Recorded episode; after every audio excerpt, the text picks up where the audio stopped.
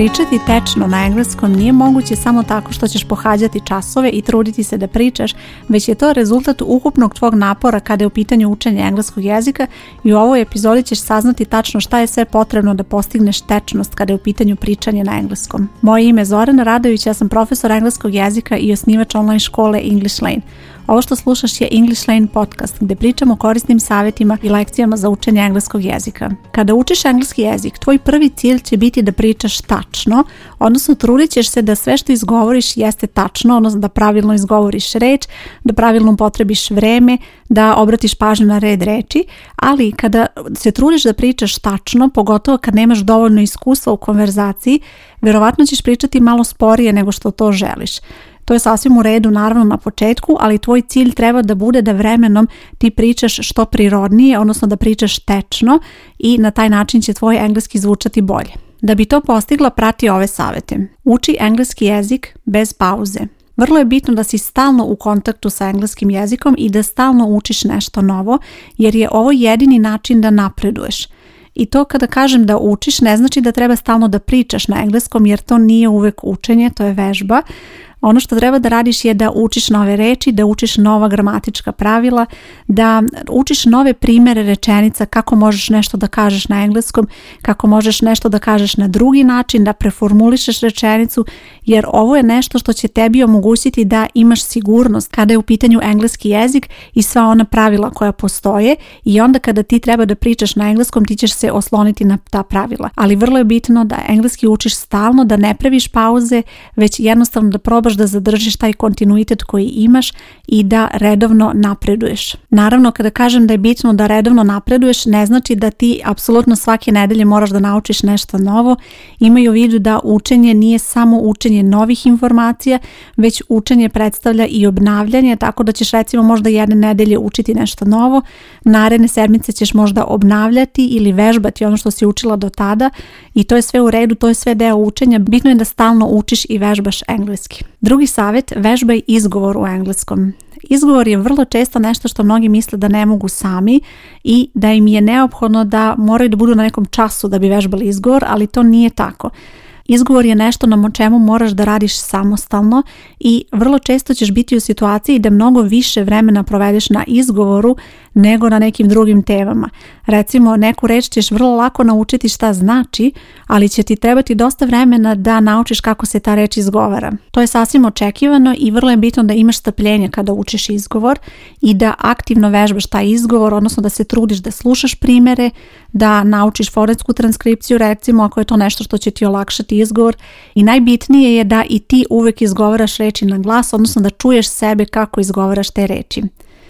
U okviru ove stranice gdje slušaš podcast ja ću ostaviti jedan poseban link ka epizodi koja se zove Kako da vežbaš izgovor u engleskom i ta epizoda će ti pomoći sa dodatnim savjetima i praktičnim vežbama kako možeš vežbati izgovor. Ukoliko pohađaš program moje online škole koja se zove English Lane, imaš mogućnost da pohađaš i kurs izgovora koji će ti pomoći da naučiš fonetsku transkripciju i da naučiš kako da vežbaš izgovor i kako da poboljšaš izgovor da bolje zvučiš u konverzaciji. Treći savjet, smišljaj rečenice na engleskom. Ukoliko želiš da zvučiš tečno kada pričaš engleski jezik, probaj da smišljaš rečenice koje će odmah biti na engleskom, to jest probaj da razmišljaš na engleskom jeziku i da smisliš primere kakve si već viđala do sada u lekcijama, u nekim tekstovima, u vežbanjima, u primjerima i tako dalje, jer na taj način ćeš biti sigurno pre svega da je red reči dobar, zatim zvučat ćeš prirodnije, odnosno način na koji kažeš takvu rečenicu će zvučati mnogo prirodnije nego ako se odlučiš da prevodiš ono što želiš da kažeš. Bukvalno prevođenje će ti samo napraviti problem, posebno kada su u pitanju složene rečenice. Kada imaš neku složenu rečenicu i probaš da je prevedeš bukvalno, veruj mi da će taj red reći, vrlo biti problematičan i napravit će ti veliki problem ta rečenica koju smisliš neće zvučati dovoljno prirodno i samim tim ono što pričaš neće biti tečno, a naravno ni tačno. Ovo ćeš ostvariti na taj način što ćeš biti u kontaktu sa engleskim jezikom i što ćeš se truditi da obratiš pažnju na primjer rečenica. Dakle, nemoj samo da ih pročitaš onako i da kao razumila si značenje i to je to, već probaj da uvijek kada čitaš nešto na engleskom da obratiš pažnju na izbor reči, na red reči koji se koristi i tako dalje, jer to je nešto što će i tebi pomoći kada ti budeš bila u situaciji da smisliš neku rečenicu na engleskom. Tako dolazimo do četvrtog savjeta, a to je okruži se engleskim jezikom. Kada učiš engleski jezik, imati samo lekciju i vežbanje koje ćeš da uradiš vrlo često nije dovoljno. Bitno je da probaš da se okružiš engleskim jezikom i posebno sada kada si u situaciji da ti je toliko toga dostupno na engleskom jeziku, da možeš recimo da gledaš sadržaj na engleskom, da čitaš sadržaj na engleskom. Vrlo je bitno da probaš da se okružiš engleskim jezikom na pravi način i da probaš da onako implementiraš engleski da bude svuda oko tebe i da osim što konzumiraš sadržaje na engleskom, da probaš i ti aktivno da koristiš engleski jezik tako što ćeš nešto napisati na engleskom ili recimo tako što ćeš smisliti neku rečenicu, odnosno razmišljati recimo na engleskom, jer ćeš na taj način aktivno koristiti sve ono što znaš i sve ovo će ti pomoći da odmah vidiš primjenu za sve ono što učiš u okviru kursa koji pohađaš. Osim što će to biti sjajna motivacija za tebe, to će naravno pozitivno uticati i na tvoju tačnost i tečnost kada pričaš na engleskom engleskom zato što ćeš imati puno primjera oko sebe i onda će ti biti mnogo lakše kada budeš u situaciji da pričaš na engleskom, mnogo lakše će ti onako doći rečenica na engleskom jer ćeš se setiti svih tih primjera koje si vidjela jer na kraju sve je to stvar iskustva i ta tvoja tečnost dolazi iz tvog iskustva. Što više imaš prilika da čuješ neku rečenicu, odnosno pročitaš, to ćeš i ti lakše moći tu rečenicu da upotrebiš jer to je nešto što si već videla ili recimo ako ponovo koristiš neku rečenicu koju si već ranije koristila, bit ćeš mnogo sigurnija sljedeći put i na taj način ćeš polako povećavati svoju sigurnost i sticati tečnost kada govoriš engleski jezik. I stigli smo do posljednjeg petog savjeta, a to je pronađi priliku da pričaš engleski.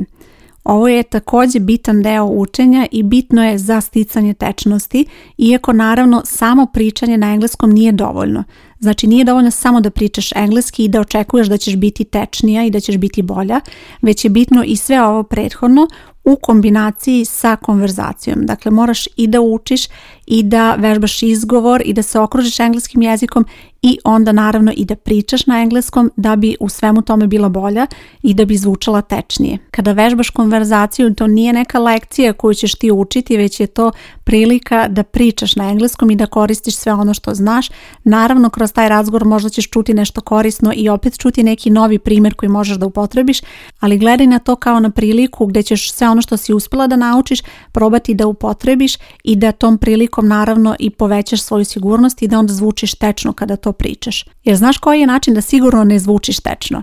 To je da pokušaš da kažeš rečenicu koju nikada u životu nisi izgovorila ili čula. U toj situaciji vrlo je teško izgovoriti tako nešto i jednostavno postoji velika šansa da ta rečenica niti će biti tačna, a naravno verovatno neće ni biti ni tečna jer ti nemaš sigurnost da tako nešto kažeš na engleskom. Dakle, da sumiram, ta tečnost u konverzaciji je rezultat svega onog što ćeš postići, ali zapravo to se temelji na svemu onome što si ti uspela da naučiš na tvom iskustvu, na satima uloženog truda da učiš nešto, da vežbaš, da smišljaš kako ćeš da poboljšaš način na koji se izražavaš, da vežbaš izgovor, da vežbaš gramatiku, jer sve to zajedno je u stvari povezano i sve to zajedno čini konverzaciju i pomaže tebi da zvučiš tačno i tečno kada govoriš engleski jezik. Nažalost, ne postoji prečica kada je u pitanju tečnost i ne možeš to postići odjednom, ali je bitno da shvatiš da je to sve rezultat tvog truda i da ako ti učiš engleski kvalitetno i ako učiš redovno, ako učiš pravilno, ako učiš dobro, ako se zaista posvetiš tome, sigurno ćeš ostvariti taj rezultat. Jer tako je uvek u životu, recimo ako pogledaš vrhunske sportiste sada koji ostvaruju sjajne rezultate i sjajne uspjehe i oni su krenuli kao početnici i oni su bili milion puta u situaciji situacijama kada nešto nisu uspjeli, kada nisu uradili nešto dobro ili onako kako su želeli, ali tu su gdje jesu zato što su bili konsistentni, zato što su redovno radili, odnosno vežbali, trudili se i nisu odustajali od tog cilja. I to je nešto što ti treba da imaš u vidu kada učiš engleski jezik. Bez obzira da li je tečnost nešto što tebe možda u ovom trenutku sputava i možda te malo i demotiviše kada je u pitanju ta konverzacija, pa malo kao imaš manje sigurnosti,